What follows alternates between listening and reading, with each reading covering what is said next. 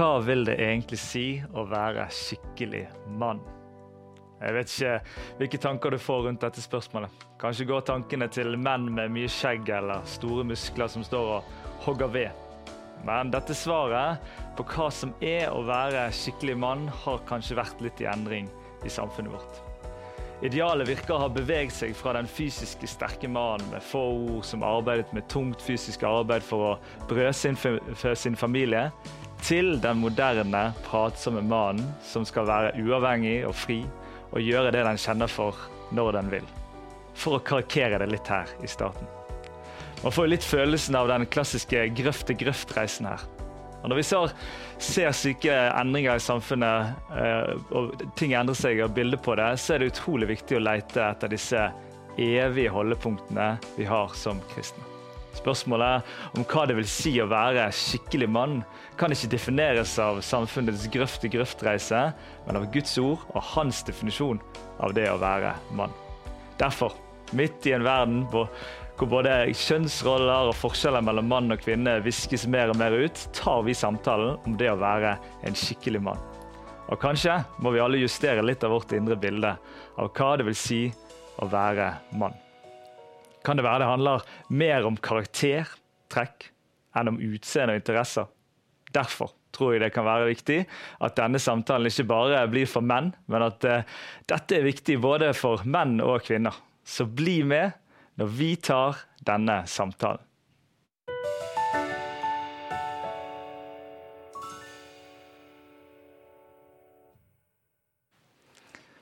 Yes, da sitter jeg her med Arve Valde. Velkommen.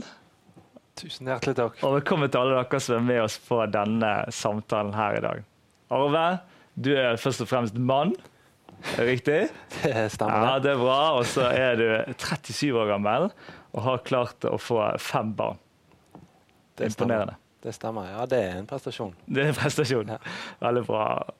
Eh, vi skal liksom få lov til å høre litt av din historie. Jeg er jo vokst opp med, med deg som eh, fotballspiller og liksom fulgt deg litt på den greien her. Mm. Og så har du nå i de senere tid liksom kommet med en fortelling. Og la oss få lov til å høre litt av, av, av din fortelling og det som du har opplevd i, i livet. Ja, jeg har jo eh, som du sikkert ønsker å høre litt mer om, er jo eh, den historien om, som har vært litt skjult. da, eh, Opp igjennom og gjennom det som har vært med fotball og sånn. Så, og, og, oppvekst ellers så har jeg slitt med spillavhengighet mm. og gambling. Eh, som har fått vært med å prege meg en god del, da. Selv om jeg har gjort mitt beste for å skjule det. da, Opp gjennom hele barndom, ungdom og, og opp i voksen alder. Så Ehm, jeg kan jo ta det litt med tilbake til der det startet. da. Eh, allerede i 10-11-årsalderen så ble jeg fascinert av sånne knipsekasser, som det het. Som sto overalt, både på ferger og butikker og alt mulig som, som i, ja, i den alderen, bare altså 10-11-årsalderen, fascinerte meg. da. Og jeg, eh, jeg eh, ja, fikk egentlig òg litt beskjed av mine foreldre som så at jeg holdt på litt med det, at du bør holde deg unna det der. og så Eh, og Derfor så skjønte jeg at dette var ikke så populært og ikke så bra, så jeg måtte skjule at jeg holdt på med det. da. Eh, så jeg eh, har drevet på med spilling helt siden da. Ja. Så da begynte du liksom den der uh, luske seg litt ut, holde det skjult, skammen kanskje? i å, vokse allerede fra så liten alder. Mm. Mm. Ja, og jeg tok, ja, det var i den alderen der. Og så gikk jeg på ungdomsskole i sentrum, og da var jo både innsatsmulighetene økt på disse maskinene. Um, så vi kunne spille med lapper, ikke bare med mynter. Og jeg hadde en del trening og hadde et lite vindu mellom skole og trening som ofte ble tilbrakt eh, rundt om i byen der på forskjellige automater. og Eh, og ja, som du sier, det, det der med skjule sant? Jeg, jeg opparbeidet meg en, en, måte å skjule det på. Sant? Jeg brukte liksom kanskje den glassflaten mm, på å bruke det som et speil. Så noe av det som jeg kanskje hadde i fotballsammenheng for blikk for spillet, mm. det, det, var noe som jeg òg hadde i, i, det, da, som gjorde at jeg var veldig obs på hva jeg hadde bak meg. Og hvis det kom noen som kunne mistenke at jeg sleit med dette, så, så tok jeg ut pengene og latet som det var liksom en engangsgreie. da. Men det verste var jo at jeg dro det med opp i, i voksen alder. Og eh, jeg fikk meg kjæreste på ungdomsskolen. Så vi er faktisk ja. Som er min kone i dag. Wow. Så det er ganske utrolig, i hvert fall etter det som en har vært igjennom da. Men vi, vi var sammen da og bestemte oss i relativt ung alder for å ta det videre. da, og Hun visste at jeg spilte litt, og, men jeg ikke, de, ikke, på det nivået som det var. da. Mm.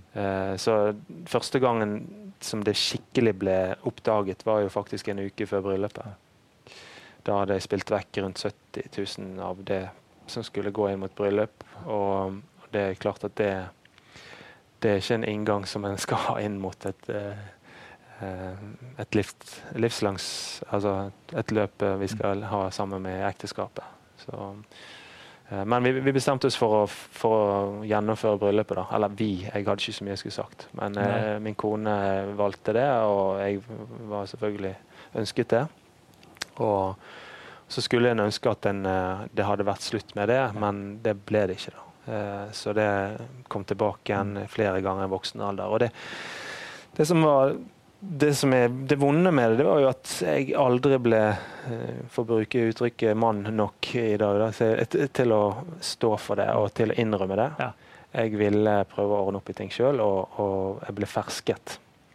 Eh, så fremfor å være åpen og ærlig med problemene mine, så, så skjulte jeg det og, igjen og igjen og igjen. Mm.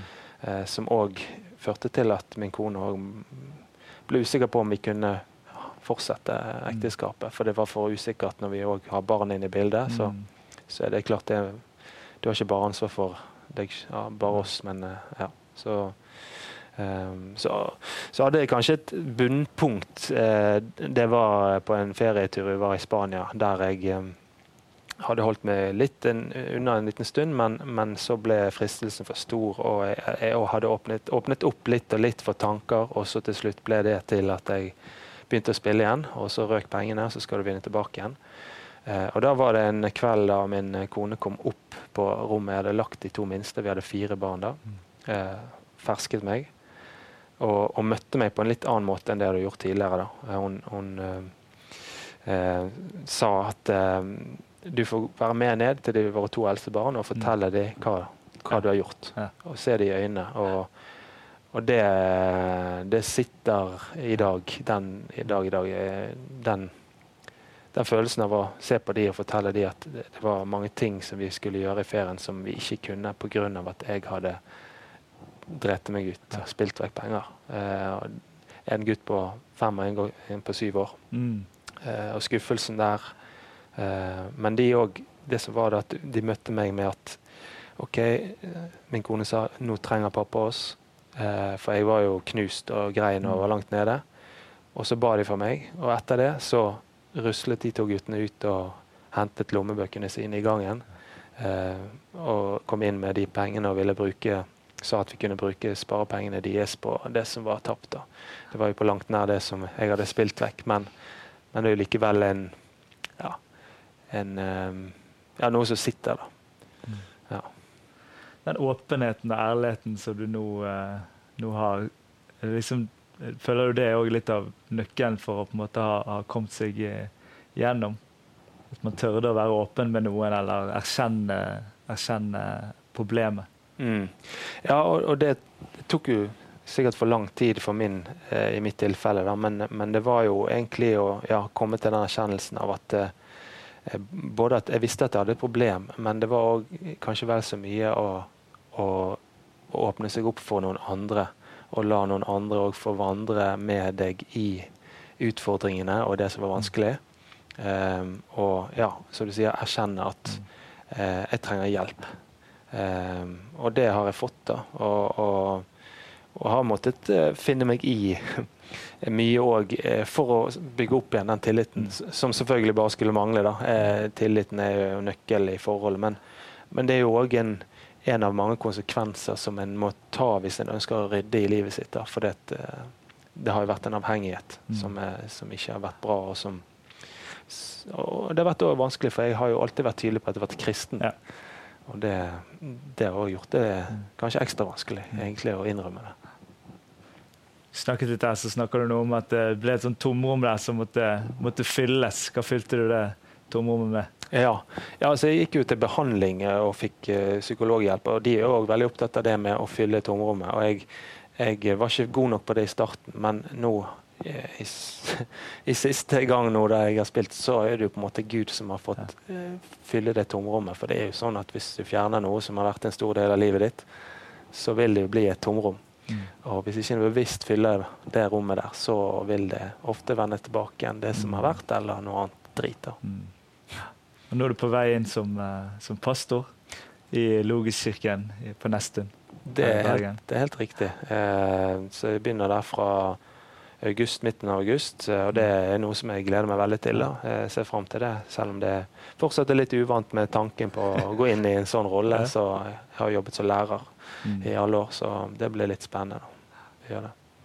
At du er åpen og ærlig om denne historien. Jeg tror det er ganske mange unge menn, og menn generelt, som kan slite inn i denne, denne greien. Og det å snakke om det å være skikkelig mann, om å erkjenne feil og be om hjelp, det er kanskje ikke helt den vanlige forståelsen av det som har vært av det å være mann eller være skikkelig mann. Og Det tror jeg kommer til å lede seg inn i samtale videre, og vi skal få inn flere gjester her og, og, og, snakke videre om dette med å være skikkelig mann.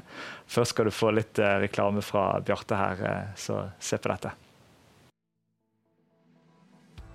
Det er en stor glede å kunne ønske deg velkommen til et nytt Oslo Symposium, det syvende i rekken. Datoene er 18. og 19. august i år. Og når vi startet med Oslo Symposium i 2011, så drømte vi om at dette skulle bli noe varig, skulle bety mye for folk i den kristne bevegelsen. I dag kan vi glede oss over at Oslo Symposium er blitt den viktigste arenaen for kristne som vil at vi skal ha en stemme inn i samfunnet. Og så er det blitt en folkefest der vi kommer sammen fra hele landet i hovedstaden. Du er velkommen til Oslo 18. og 19. august til to inspirerende dager. Sammen med landets fremste politikere, kristne ledere og kristne samfunnsdebattanter. Vi trenger hverandre for å løfte hverandre opp i denne tiden. Og når vi kommer sammen på Oslo Symposium, så er det det som skjer. Vi løfter hverandre opp i troen på at Norge fortsatt skal være et kristent land med korset i flagget, som velsigner Israel, som tar vare på de ufødte barna, som sier ja til frihet for kristne skoler, menigheter og organisasjoner og som verdsetter vår tusenårige kristne arv. Det beste vi kan gi videre til neste generasjon. Du kan tro vi gleder oss til Oslo Symposium 2023, og håper å være sammen med deg der. Sett av datoene 18. og 19. august. Vi ses i Oslo.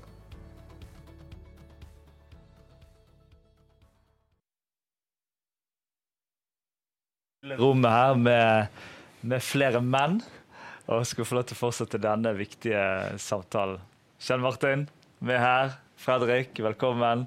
Virkelig en glede å få lov til å dele en samtale sammen om denne viktige tematikken. Jeg tenkte det var litt så spennende å begynne litt der eh, Arve avslutter denne sårbarheten. Det har ikke alltid vært liksom eh, mannens sterkeste side å skulle vise sårbarhet. Mm. Da har vi, eh, vi, litt andre verdier i det kristne. Hvordan ser dere på det med sårbarhet og det å være mann? Det, det, funker det, Kjell Martin? Altså det er, det, ja, det funker. Ja. Det gjør det. altså. Jeg må bare si, Arve, det er bare fantastisk å høre eh, din historie. Og det er en enorm respekt for, for, at du velger å gjøre det, og du velger å være sårbar. Og det er egentlig, egentlig er det på en måte det jeg kan, kan vitne om sjøl, at når jeg velger å være sårbar, når jeg tør å, på en måte, å, å, å legge ned mine kort på en måte, og, og si at det, dette er det jeg har utfordringer med, dette er det jeg sliter med, så merker jeg at jeg møter hos andre menn en, en, en ja, altså at de velger å være sårbare sjøl. Og så kommer man tettere på, på, på livene til folk. Eh, men det må begynne et sted. Eh, og, og, min erfaring er at det, det hjelper veldig. Og jeg tenker også sånn, sånn, I Guds ord så ser vi den sårbarheten. Sånn, det å tørre å være sårbar, det å tørre å, å på en måte eh, stille seg sjøl lavest, da, på en måte, eh, det, er, det, er en, eh, ja, det, det, er noe som kanskje vi som menn eh, bør gjøre, kanskje. Mm. Ja. ja. det er jo en styrke i svakheten. Det er jo på en måte Guds ord. ikke sant? At eh, når vi er svake, så er vi sterke. Mm. Eh, så er kanskje ikke det å innrømme svakhet nødvendigvis eh, svakhet. Altså, ja, du er sterk når du er svak, men eh, nei, jeg har dyp respekt for dette og ønsker at det også skal være en del av mitt liv. Helt klart. Prøver å være det. Men vi har jo kanskje alle vokst opp litt med den der 'tøffe gutter gråter ikke'. ikke sant? Den ligger jo litt sånn i kulturen enda, selv om den er nok i ferd med å snu. Sånn som du hadde din innledning her med at den moderne mann er nok mer åpen enn hva kanskje bestefar var. Og det tror jeg det er bra. Det må vi jo bare glede oss over at det endelig har kommet inn i og akseptert i samfunnet. Men for min del så, er jo det, det, å være knust som mann, altså være liksom kunne erkjenne at jeg strekker ikke til, jeg har ikke alltid kontroll. Eh, det kan jeg jo først og fremst gjøre fordi jeg har en gud som gjør meg hel. Så Det er, det er liksom tyngdepunktet eh, i mitt liv. At, eh, og det hører vi jo fra Arve også, at det, da kan vi åpne opp. Da kan vi innrømme vår svakhet og vår elendighet, fordi ja, han gjør meg sterk. Mm. Så Det er jo på en måte kanskje det beste budskapet vi har til menn i dag, som, som er kanskje redd for å innrømme feil, eller at noen skal slippe inn på innsiden og se hvor ille de egentlig har det. At vi, vi trenger ikke det, fordi vi har han. Så det, det må vi ikke glemme å si. Og ikke det er sånn at med, med noen sånne feiltrinn som vi går, så begynner disse avstandene. Vi vil ikke si noe, vi prøver å holde det skjult. vi vi tar avstand. Og Kanskje er vi til og med redd for hvis vi deler det, så skaper det avstand. Du sier det av at Ved å dele så har ikke det skapt avstand, men det skaper faktisk nærhet. Både i, i ekteskap og i møte med, med barn og, og, venner rundt. Det er jo liksom motsatt av det vi kanskje frykter. Ja, det er i hvert fall min erfaring. Du sa det litt du òg, Kjell Martin. Men at eh, de gangene en eh, har valgt å, å, åpne opp og dele, og det er jo ofte noen som må ta det steget. sant? Så, så skaper det ofte et sterkere bånd. Eh, og eh, det, det liksom, jeg, jeg tenker òg eh, sannhet, mm. åpenhet. Ja.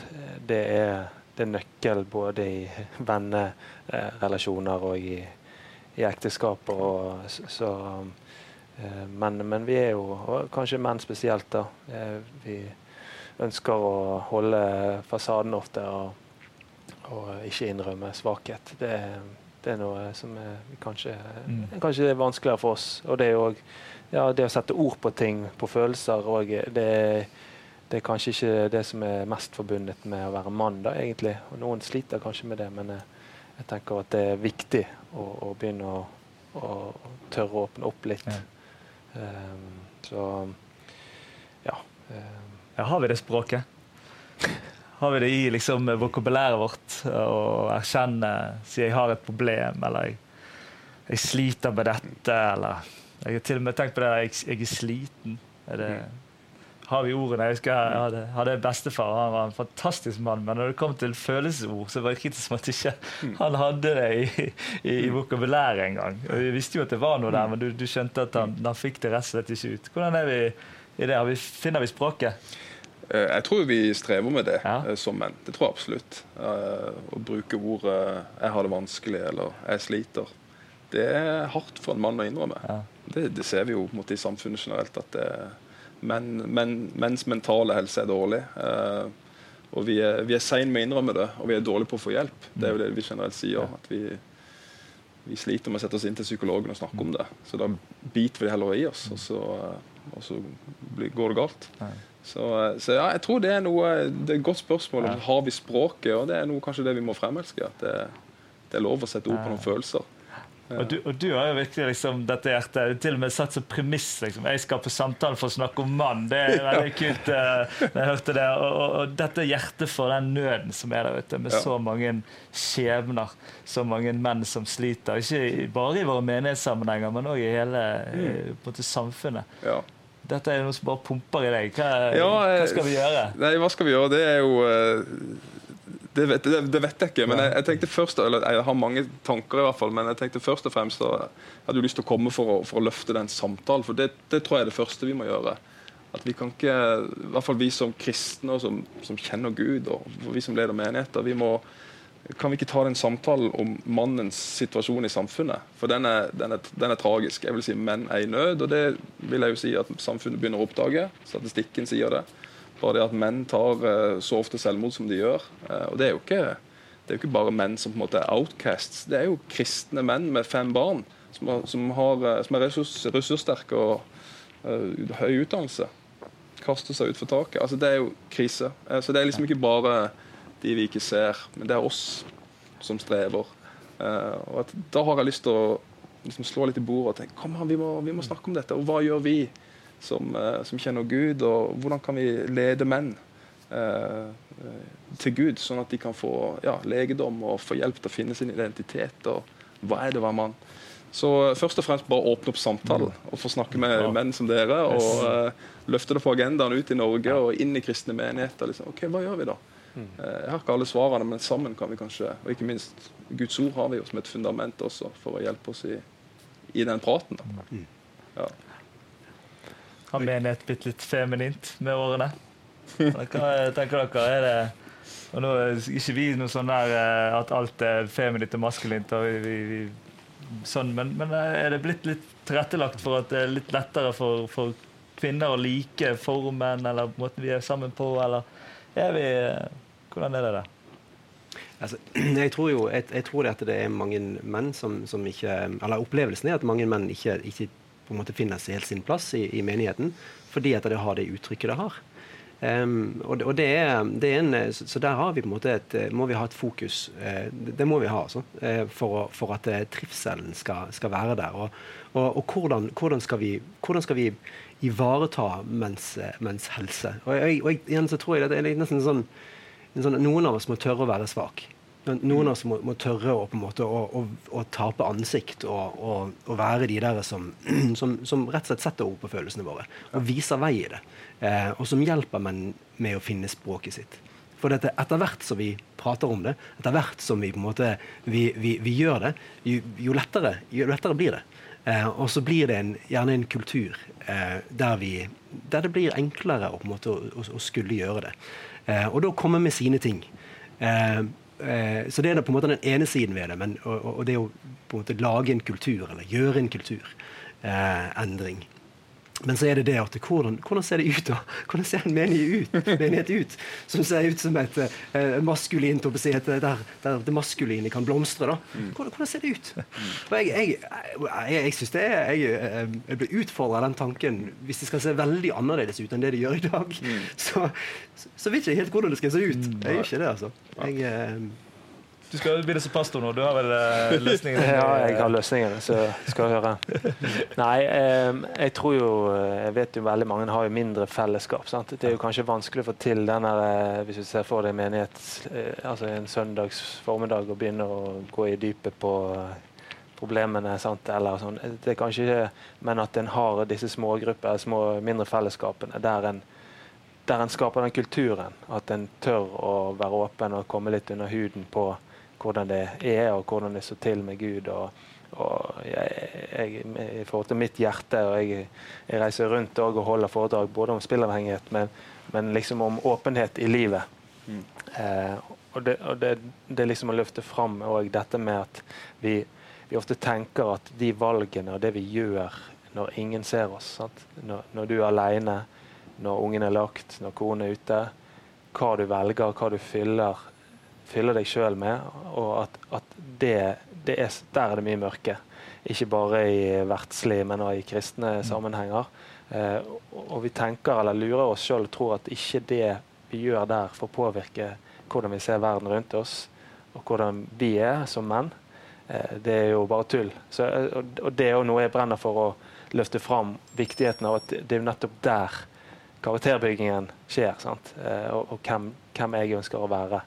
Eh, som mann og eh, som far eventuelt. Mm. Og, eh, så er det jo i det rommet der, når ingen ser deg, som er med på å fortelle hvem du egentlig er. da. Ja. Mm. Veldig bra.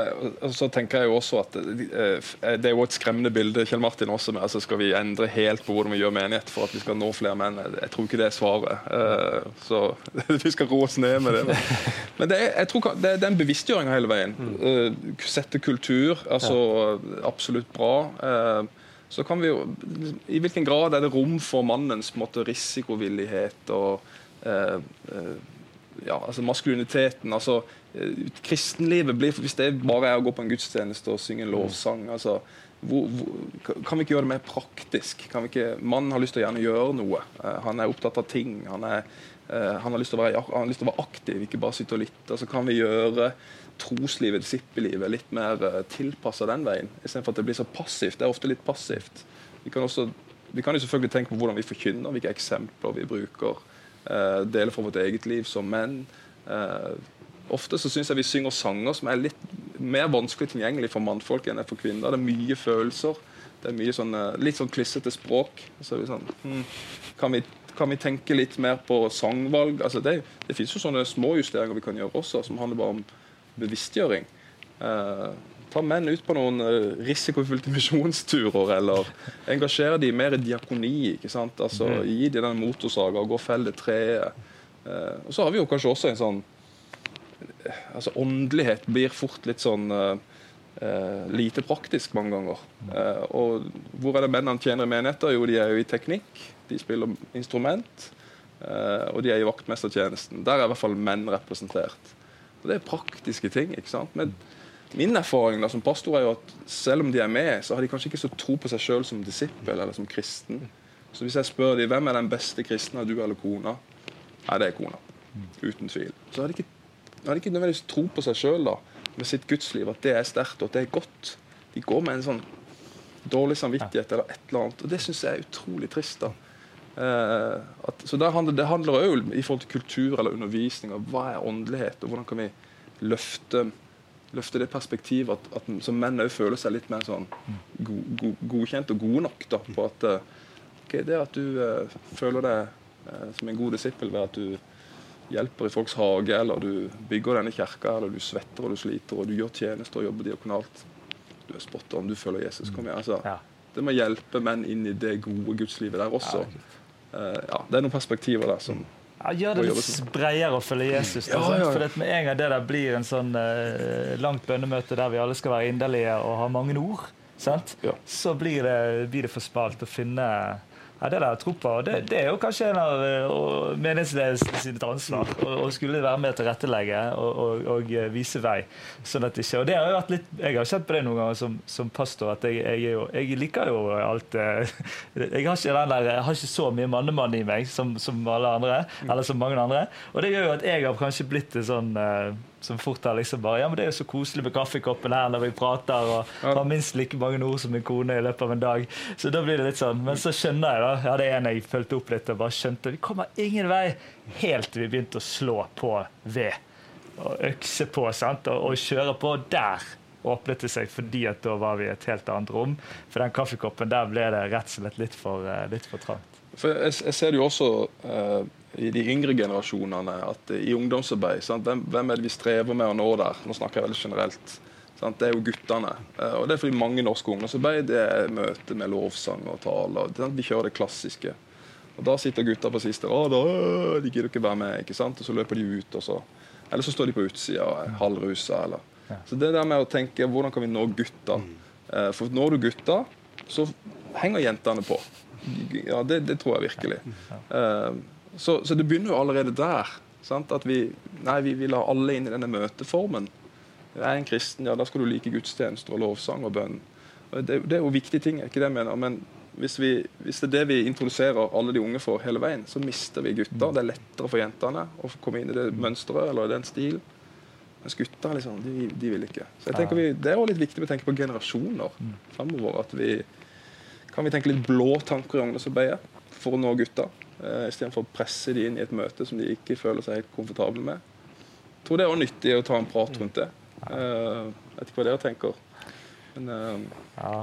Vi skal, vi skal, ta, fortsette, holde den tråden her. Skal vi gå litt videre inn etterpå. Nå tar vi først en, en liten reklame her, og så kommer vi tilbake inn og fortsetter denne viktige og spennende samtalen.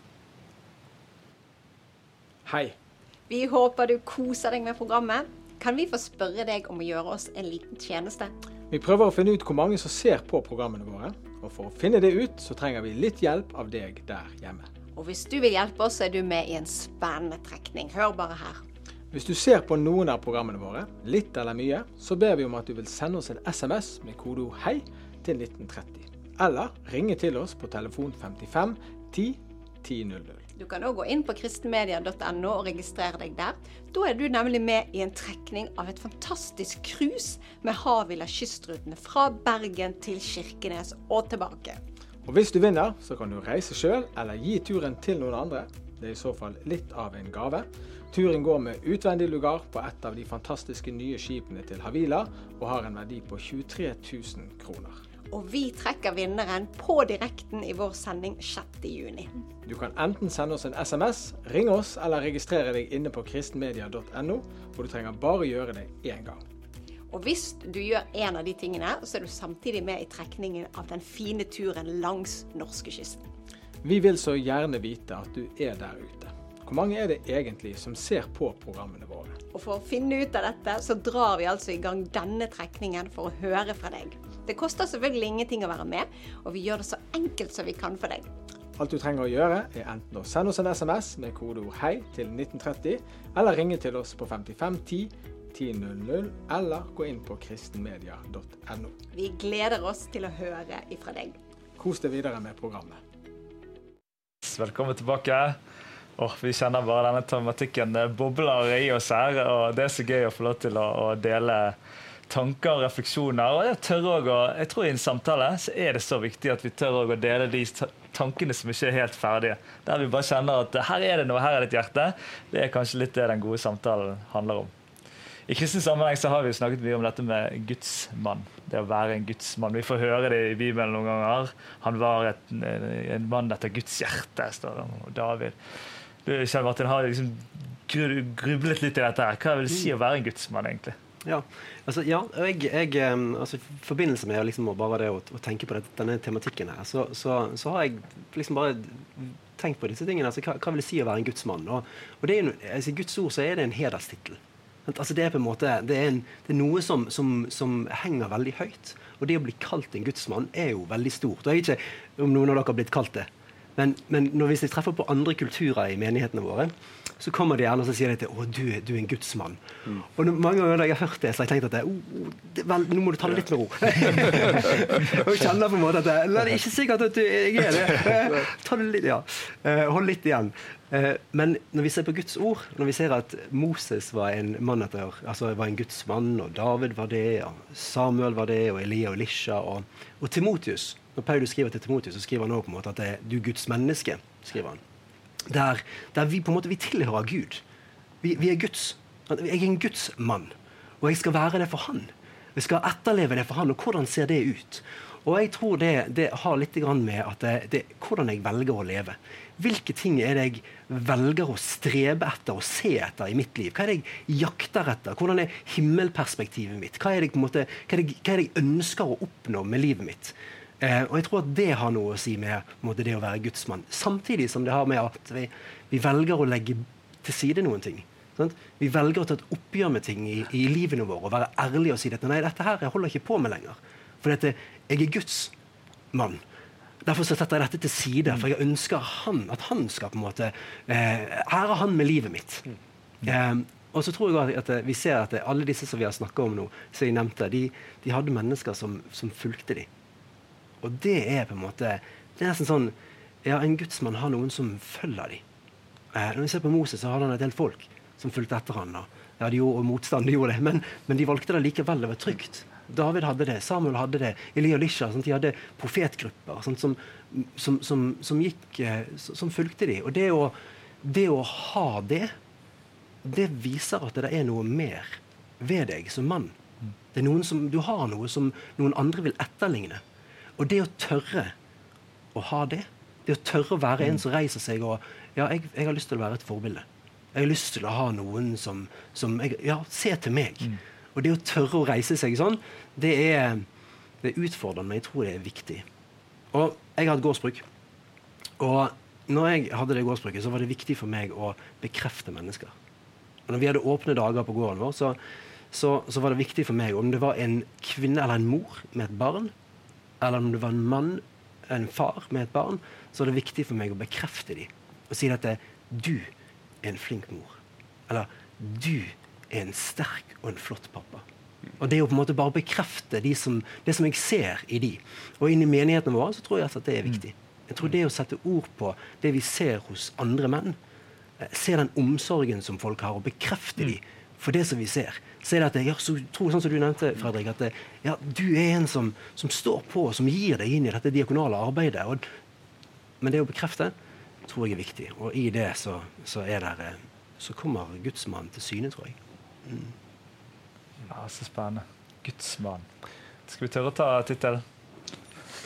Vi må det. Er ikke det det vi vil? da? Ja. Altså, det står jo noe med det med at uh, Guds øyne er far over jorden sant? For, å, altså for å styrke de som har sitt hjerte i han, eller jeg husker ikke ordrett. Men, mm.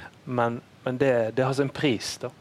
Og jeg tror jo at uh, vi menn òg uh, Litt som flokk kanskje òg. Vi, vi vil på en måte ikke skille oss ut på de feile grunnene, i hvert fall. da. men jeg tror akkurat det Hvis du ønsker å være en gudsmann, så må du òg være villig til å bli sett på annerledes. da. Mm. Eh, OK, hva er det med han? Hvorfor velger han det? Og, eh, og sånn som vi bommer, og sånn for min del, som jeg må ta konsekvensene av, av det en har gjort. Eh, men hvis den har sin verdi i Gud, eh, og har egenverdien på plass, så kan du stå i ganske mye da, uten at det får rokke med den du er. Eh, men det, tror jeg, jeg, tror det har sin pris, da. Og vi vil jo gjerne passe inn, og vi vil jo gjerne inn i verden og liksom være litt sånn begge deler. Sant? Mens eh, jeg tror av og til at vi må som menn òg stikke oss ut eh, fordi at vi er annerledes på noen måter. Da. Det er jo ikke sånn som vi syns det er så gøy alltid. Da. Ja jeg tenker en, en, en gudsmann jeg, jeg, liker det, det, du sier der, Arve, med at liksom, er det ikke det vi vil, da? Altså, det, er jo, det, er jo, det vi vil, og det er noe med det å ta det ordet i munnen og si at det er det jeg vil. Uh, og Da tenker jeg jo at vi først og fremst selvfølgelig ønsker å speile oss i gudsmannen sjøl, Jesus Kristus. Det er jo han som er vårt forbilde. Og, og det er ikke tvil om at uh, i hans liv så, så, finner vi jo på en måte mange prinsipper og ja, grunnleggende ting for det å være mann. Uh, Eh, så, jeg, så jeg, hva er en gudsmann? Jeg tenker Det er jo først og fremst en som er bøyd for, for Guds vilje. Som har han som herre i livet, og som ønsker det. Som, som eh, ja, jeg, Da kommer vi inn på alt det som er sagt, dette med å legge ned. Og, eh, og, og det ser vi jo tydelig i Jesu liv også. I, hvordan han på en måte har, har far. Far som den som er drivkraften i livet. og Hvordan han ønsker å tjene han og gjøre hans vilje. og Uh, og Jesus vil jeg jo si er jo på en måte en Det er kanskje flåsete sagt for noen, men er jo den ultimate mannen som har på en måte uh, de ferdigheter en mann skulle ha, tenker jeg. da. Så det, det, er jo det jeg ønsker å speile mitt liv etter. og han, uh, Hvordan han levde, og hva han prioriterte, og hvordan han møtte mennesker. og, og det, det, er det vi ønsker elsker det som står i Feserbrevet og det er jo masse diskutert sant, med dette med, med, med kristen underordning, alt dette, men når det står at mannen skal gi sitt liv for kvinnen slik Kristus ga sitt liv for menigheten. Da skjønner vi hva underordning det er snakk om. Altså det, hva, hva, å gi avkall på det å gi seg til. Og her sitter vi jo også som familiemenn og, og pappaer. og hva har dette å si for måten vi er foreldre på? Jeg drømmer jo om å se mine gutter, jeg har to gutter hjemme, som skal bli sterke, sunne menn. Og så er det ikke alltid jeg føler jeg både leder til det og, og finner helt veien i det. Uh, har dere erfaringer med det som, som pappaer i, i møte med dette? Ja, jeg har uh, i hvert fall litt erfaring som pappa. Og, uh, altså, vi har jo Eh, min kone hun er oppvokst som fosterbarn, eh, og hun har eh, lært meg i stor grad å, være flinkere til å snakke. Snakke åpent og, og tørre å stille spørsmålene. Da. Og vi har ofte prata med ungene og prøver å eh, prate om ting. da. Eh, få de til å prøve å sette ord på ting, eh, og, og, med at vi òg gjør det sjøl. Eh, jeg tror veldig ofte at vi kan jo vite om hva vi vil. Eh, og hvordan vi ønsker at ungene våre skal være. Men hvis ikke de ser det i våre handlinger og hvordan vi velger, så, så er det vanskelig å, eh, å, få det fram. da. Fordi de, de, ser jo mye mer på hva vi gjør i handling enn en ordene vi sier og bruker. da. Eh, så jeg tenker den, altså det hele bildet, da. Hvis det søndagspappaen eh, henger sammen med hverdagspappaen. At, mm. at ikke det er to forskjellige utgaver. Mm. Eh, at det er på en måte noe eh, Det tror jeg har noe å si. da. Eh, og ja, At de ser hva vi velger, og hvordan vi lever livene våre, ikke bare hva vi, hva vi sier. Eh, ja. Det er no, noen tanker, da. Eh, mm. Så tydelighet, sårbarhet, tror jeg òg er nøkkel der. Være ærlig og, og, og vise at en er, en er, en er ikke perfekt som foreldre heller. Eh, det å be om tilgivelse når en går for langt med ungene sine, eh, det har vi måttet gjøre flere ganger, og det, det koster litt, sant. Eh, men jeg tror det er så viktig hvis vi skal Ja, og det har jo mer erfaring som lærer òg, at hvis du ikke du står at nå må elevene by på seg sjøl, og nå må dere komme an, dere må tørre, og så står du der trygt og godt eh, inne på komforten sjøl, og ikke eh, det, det, er noe med det, da. Å la det forbi handling. Jeg har litt sånn opplevelsen av hjemme hos i mitt eget ekteskap at jeg liksom, på en eller annen måte pga. fortellingen av at liksom kvinner har vært sterke i trosliv i hjemmet og preget det. Og jeg har hørt masse statistikker sant, at mor kommer på førsteplass. På en eller annen måte tenkte jeg ja, da, må hun, da må hun ta det ansvaret. Jeg tuller av at. Jeg er pastor i menigheten, du er pastor hjemme. Altså, liksom. Men jeg har utfordret meg sjøl, og sammen har liksom utfordret litt på det å ta det ansvaret som mann. Da, ta den plassen som mann i, i hjemmet, som ikke handler om å være en maskulin sjef som styrer rundt, men som tar ansvar og tar lederskap og på det åndelige. Eh, det tror jeg er en sånn der, eh, i hvert fall en oppvakker for meg. da, Å tenke ok, her har jeg jeg, jeg, kan ikke gå rundt og delegere det, liksom. og håpe at det, det går bra. Her må jeg ta tak og, og tørre å ta den plassen som, som, mann i familien på den måten. Og vi bærer jo det sammen, meg og min kone, helt tydelig. Men, men dette er en oppvåker. Har dere hatt noe sånn der eh, vi har, vi har, det Samfunnet har jo sagt sånn at det fins ikke noen forskjeller. Er det å leve i det som kristen, der Bibelen snakker om at man skal ta litt ansvar, skal ta mer ansvar? Har dere noen tanker om det? Ja, eh, det, som, det, som, har vært, eller som har gått opp for meg over tid, er jo at eh, altså, det er mye prøving og feiling, og kanskje mest feiling. Altså, man har lyst på en god far. Altså, det er jo veldig krevende. Eh, men det som har gått opp for meg, er jo altså, dette med å våge å snakke om forskjeller da, på mann og kvinne. At at hvis min sønn skal lære å bli mann, så er det ikke fra hans mor han lærer det. Det er fra meg. Og da, Det ansvaret må jeg ta. Uh, og det har liksom, det er blitt alvorlig for meg. For hva, hva er det jeg lærer min sønn, da? Uh, og uh, så jeg har lest en del bøker om det de siste par årene. Og, og innser jo at nå er det jo Gutten min er jo 16 år nå, så liksom løpet er nesten kjørt. Han flytter på internatskole neste år. Men, men Nei, men det har vært, det har vært, det har vært godt å, å for, rett og slett, for Det er jo en sånn tematikk som jeg tenker er, er viktig. At eh, ja, Hvordan fostrer vi sønner?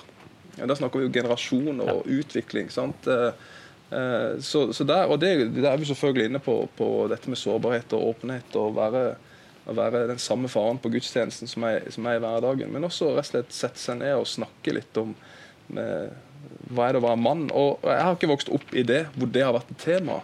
Eh, vi, vi, lever jo i et samfunn i dag som er kjønnsnøytralt. Vi snakker ikke så mye om disse tingene. Eh, det, og det er jo vanskelig. Det er liksom mine felt også, helt klart. Men, men, eh, det å finne et språk der også tror jeg er godt og sunt. Ja, for det vi ser er jo at mange unge menn i dag søker jo maskulinitet på Instagram og TikTok og sosiale medier og leiter etter hvem er jeg egentlig. sant? Og så ja, så kan det bli gaming eller det kan bli andre ting som på en måte er usunt. Mange ruser seg jo. Eh, gutter er engasjert i vold. Eh, så hvor er far? Mm. Ah, det stikker dypt i meg. Og, og, jeg, jeg, er ikke noe perfekt forbilde på det, men, men det skulle jeg gjerne også ønske at vi hadde snakka mer om og hjulpet hverandre, og som menigheter også utruste og prøve å på en måte sette fokus på det. Hvor mange fedre vil satt pris på det? For Vi vet ikke helt hva vi skal gjøre. Nei, jeg, jeg, jeg føler det veldig på det. Eh, men jeg tenker, ja, altså, det jeg tenker når du snakker om det å sette seg ned med det, det mest dyrebare vi har i dag, er jo tid. Ja. Det å investere, det å sette av. ok, Nei, jeg legger, tilbake, jeg legger til side fotballkamp. Jeg skal ikke hogge ved heller. Jeg skal ikke på den joggeturen for min egen del. Nå er det meg og deg. Og det å sette av tid med ungene kanskje mer utfordrende når du har fem enn menn. Neida, jeg burde vært mye bedre på det. Men det å se ungen, det å være der og kanskje da bli med på eh, den eh, orienterings... Selv om ikke du er så altså, det, å, det å være interessert, det å bli kjent med, så du skal sette seg ned Det er jo der du knytter, sant. Eh, og, eh, og være interessert. Sette av tid. Men så er det mange som setter av tid, kanskje. Men, hva skal jeg finne på? da? Jeg vet ikke hva vi, hva skal vi gjøre. Sant? Så der, der er det kanskje noen verktøy en kan få. Og, men, men, likevel, eh, jeg føler at veldig mange bare har ikke tid. Og så, blir, så går tiden, og så plutselig er det vekke, og så har du ikke har du ikke fått eh, det av din Altså, de, de, går tidligere og tidligere i barnehage. Altså, eh, de får ikke liksom den de første årene med mor eller far eh, som er mm. eh, Og så, ja det er mange grunner. Jeg tror du er på en kjempenøkkel. Det er relasjon mm. tar tid. Skal noen følge oss, sant? som disse gudsmennene, så tar det tid. Og det kan virke så lite effektivt. For vi har jo lyst til at alt skal effektiviseres. Men relasjoner kan ikke effektiviseres. Sant? det ruller og går, og der er det skjer det noe i dens liv, og så er man der. og ja, Det der leter jeg etter, i, både i personliglivet, men òg i, i menighetslivet.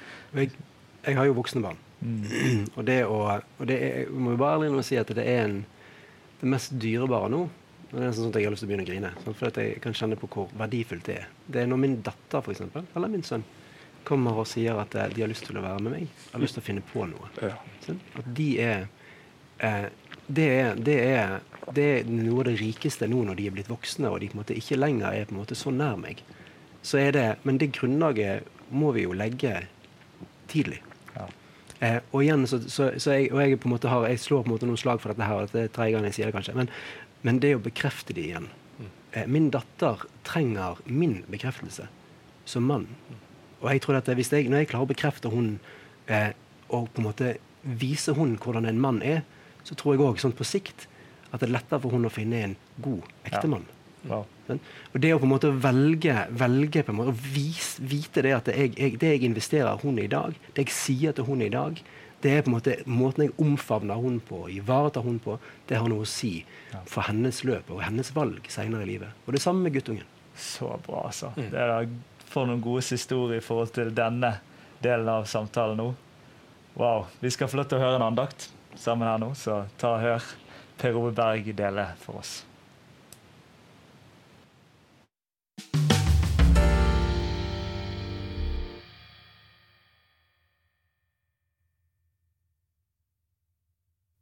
Ja, hva er en gudsmann? I eh, Josva kapittel 4 så uh, hører vi historien om hvordan Josva samla folket etter at de hadde kommet inn i det lovede landet. Samla Israels stammer i Sikhem. Han ba dommerne, de eldste, embetsmennene og overhodene til å komme sammen, for han ville at de skulle inngå en pakt med Gud. Og Josfa minner dem på historien om hvordan de var kommet inn i det lovede landet. At det faktisk ikke var deres egne sverd eller deres egne buer som hadde vunnet dem seier over fienden, men det var Gud sjøl som hadde gitt dem landet. Og Han minte dem på at dette lovede landet, som allerede var bygd opp, lå ferdig og klart for dem som en gave. De hadde ikke strevd sjøl for dette landet. Og så stiller han dem på et valg. Han sier det at eh, oppfordrer dem sterkt til å tjene Herren av hele sitt hjerte, med gudsfrykt, med sannhet og med full overgivelse. Men så sier han også hvis det er ondt i deres øyne å tjene Herren, så ja, gå tilbake til avgudene, gå tilbake til fedrenes guder om dere vil. Men, sier han, jeg og mitt hus, vi vil tjene Herren. Og du ser hvor tydelig han er, og hvor stor påvirkning dette har på resten av folket. Så de sier det, la det være langt fra oss om vi skulle tjene noen andre guder enn Herren. Josva var en tydelig gudsmann. Og det at han var bekjente troen sin og var så klar, hadde stor, stor betydning for de andre. Vi trenger sånne menn i dag. Vi trenger fedre som er tydelige, som sier til sin familie vi tror på Jesus, og vi vil følge han. I en verden, en vestlig kultur med individualisme, relativisme osv., så, videre, så trenger vi tydelige røster fra menn som våger å si det. Jeg tror på Gud, jeg tror på Hans ord, og vi vil følge Han. Vi trenger å følge Jesus Kristus og hans eksempel.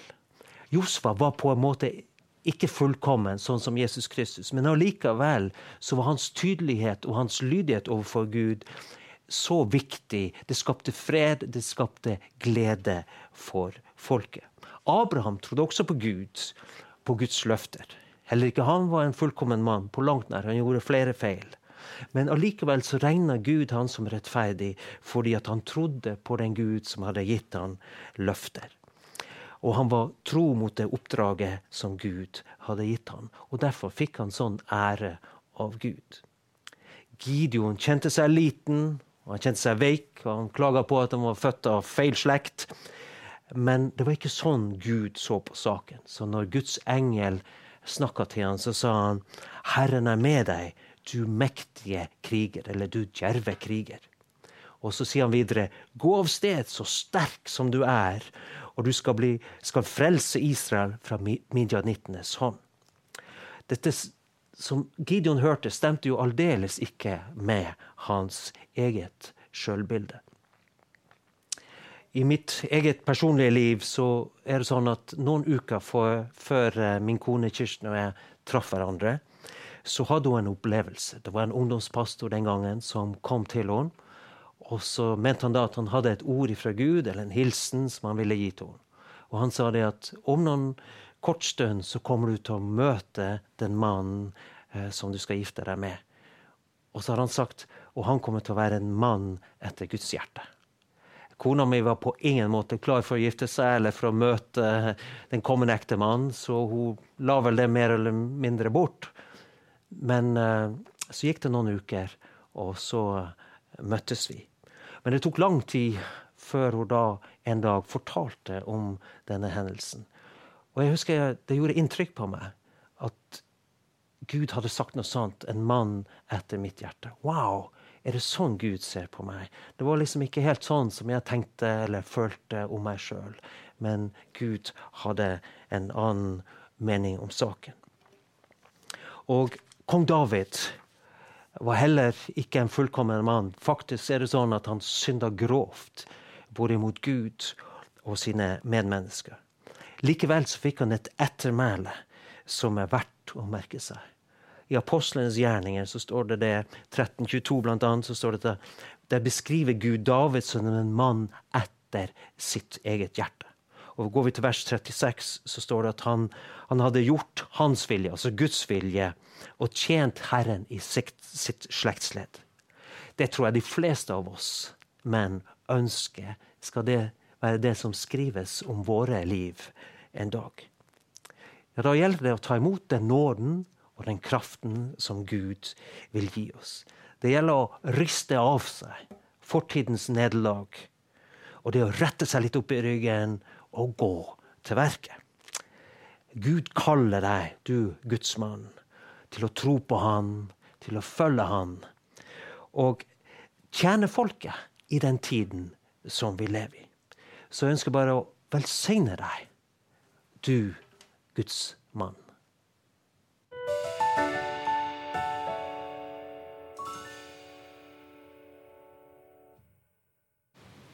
Tusen takk til eh, Per Ove Berg, og tusen takk til dere som var med og, og delte fra hjertet og lengsler og ønsker om, eh, om, det å være mann og det å se menn vokse fram eh, i Guds bilde. Det de er skapt til å være. Så viktig. Jeg håper at denne samtalen har inspirert deg til å ta denne samtalen. Om det er i ekteskapet ditt, eller om det er familien din, eller om det er med barna dine, eller på lunsjbordet så ta samtalen. Det er litt sår og kan være litt varsom inn mot denne tematikken ute i, verden, men vær modig og ta samtalen. Det er vanskelig å finne svarene i verden på dette, så her må vi finne svarene i det kristne fellesskapet med Guds ord i midten av det hele som holdepunktet, som tåler alle de forskjellige tidene som vi kommer til å gå inn i framover. Da er det sånn at jeg har lyst til å takke deg for at du var med oss for denne viktige samtalen, og at du òg inviteres til å bli med neste uke når vi igjen tar samtalen. Takk for i kveld.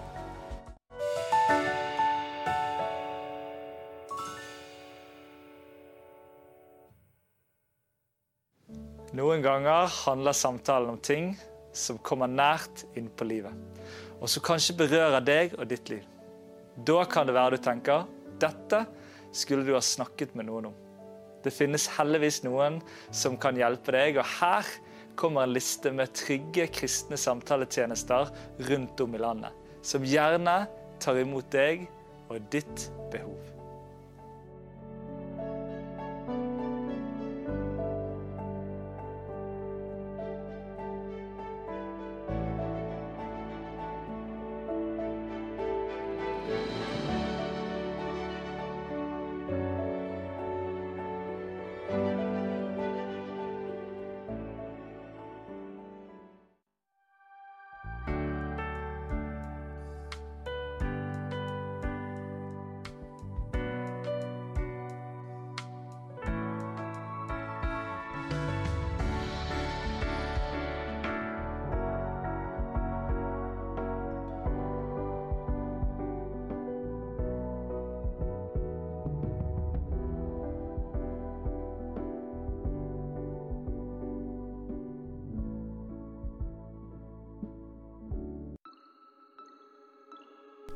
Ser du på Live med venner?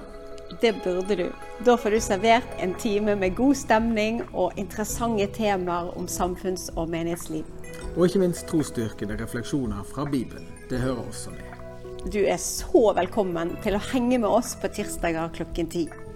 Live med venner sendes på Facebook, på Kanal 10 og på Bedehuskanalen. Da ses vi på tirsdagene.